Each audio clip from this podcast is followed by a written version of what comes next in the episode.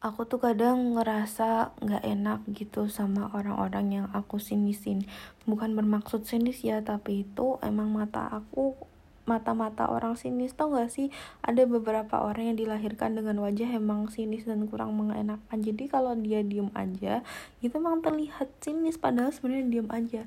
Sama kayak aku aku tuh nggak tahu ya aku yang susah ngebangun seorang teman atau kayak gimana tapi aku ngerasa itu kayak susah banget ngedapetin teman atau karena muka aku atau gimana karena muka aku tuh kalau diem aja aku lihat sendiri pun aku nggak suka kayak bukan nggak suka sih kayak apa sih put gitu kenapa wajahnya gitu banget padahal juga gak apa-apa padahal cuma diem doang Be uh, kalian gitu gak sih? Ada gak sih orang di terdekat kalian yang wajahnya kayak gitu? Atau mungkin kalian sendiri?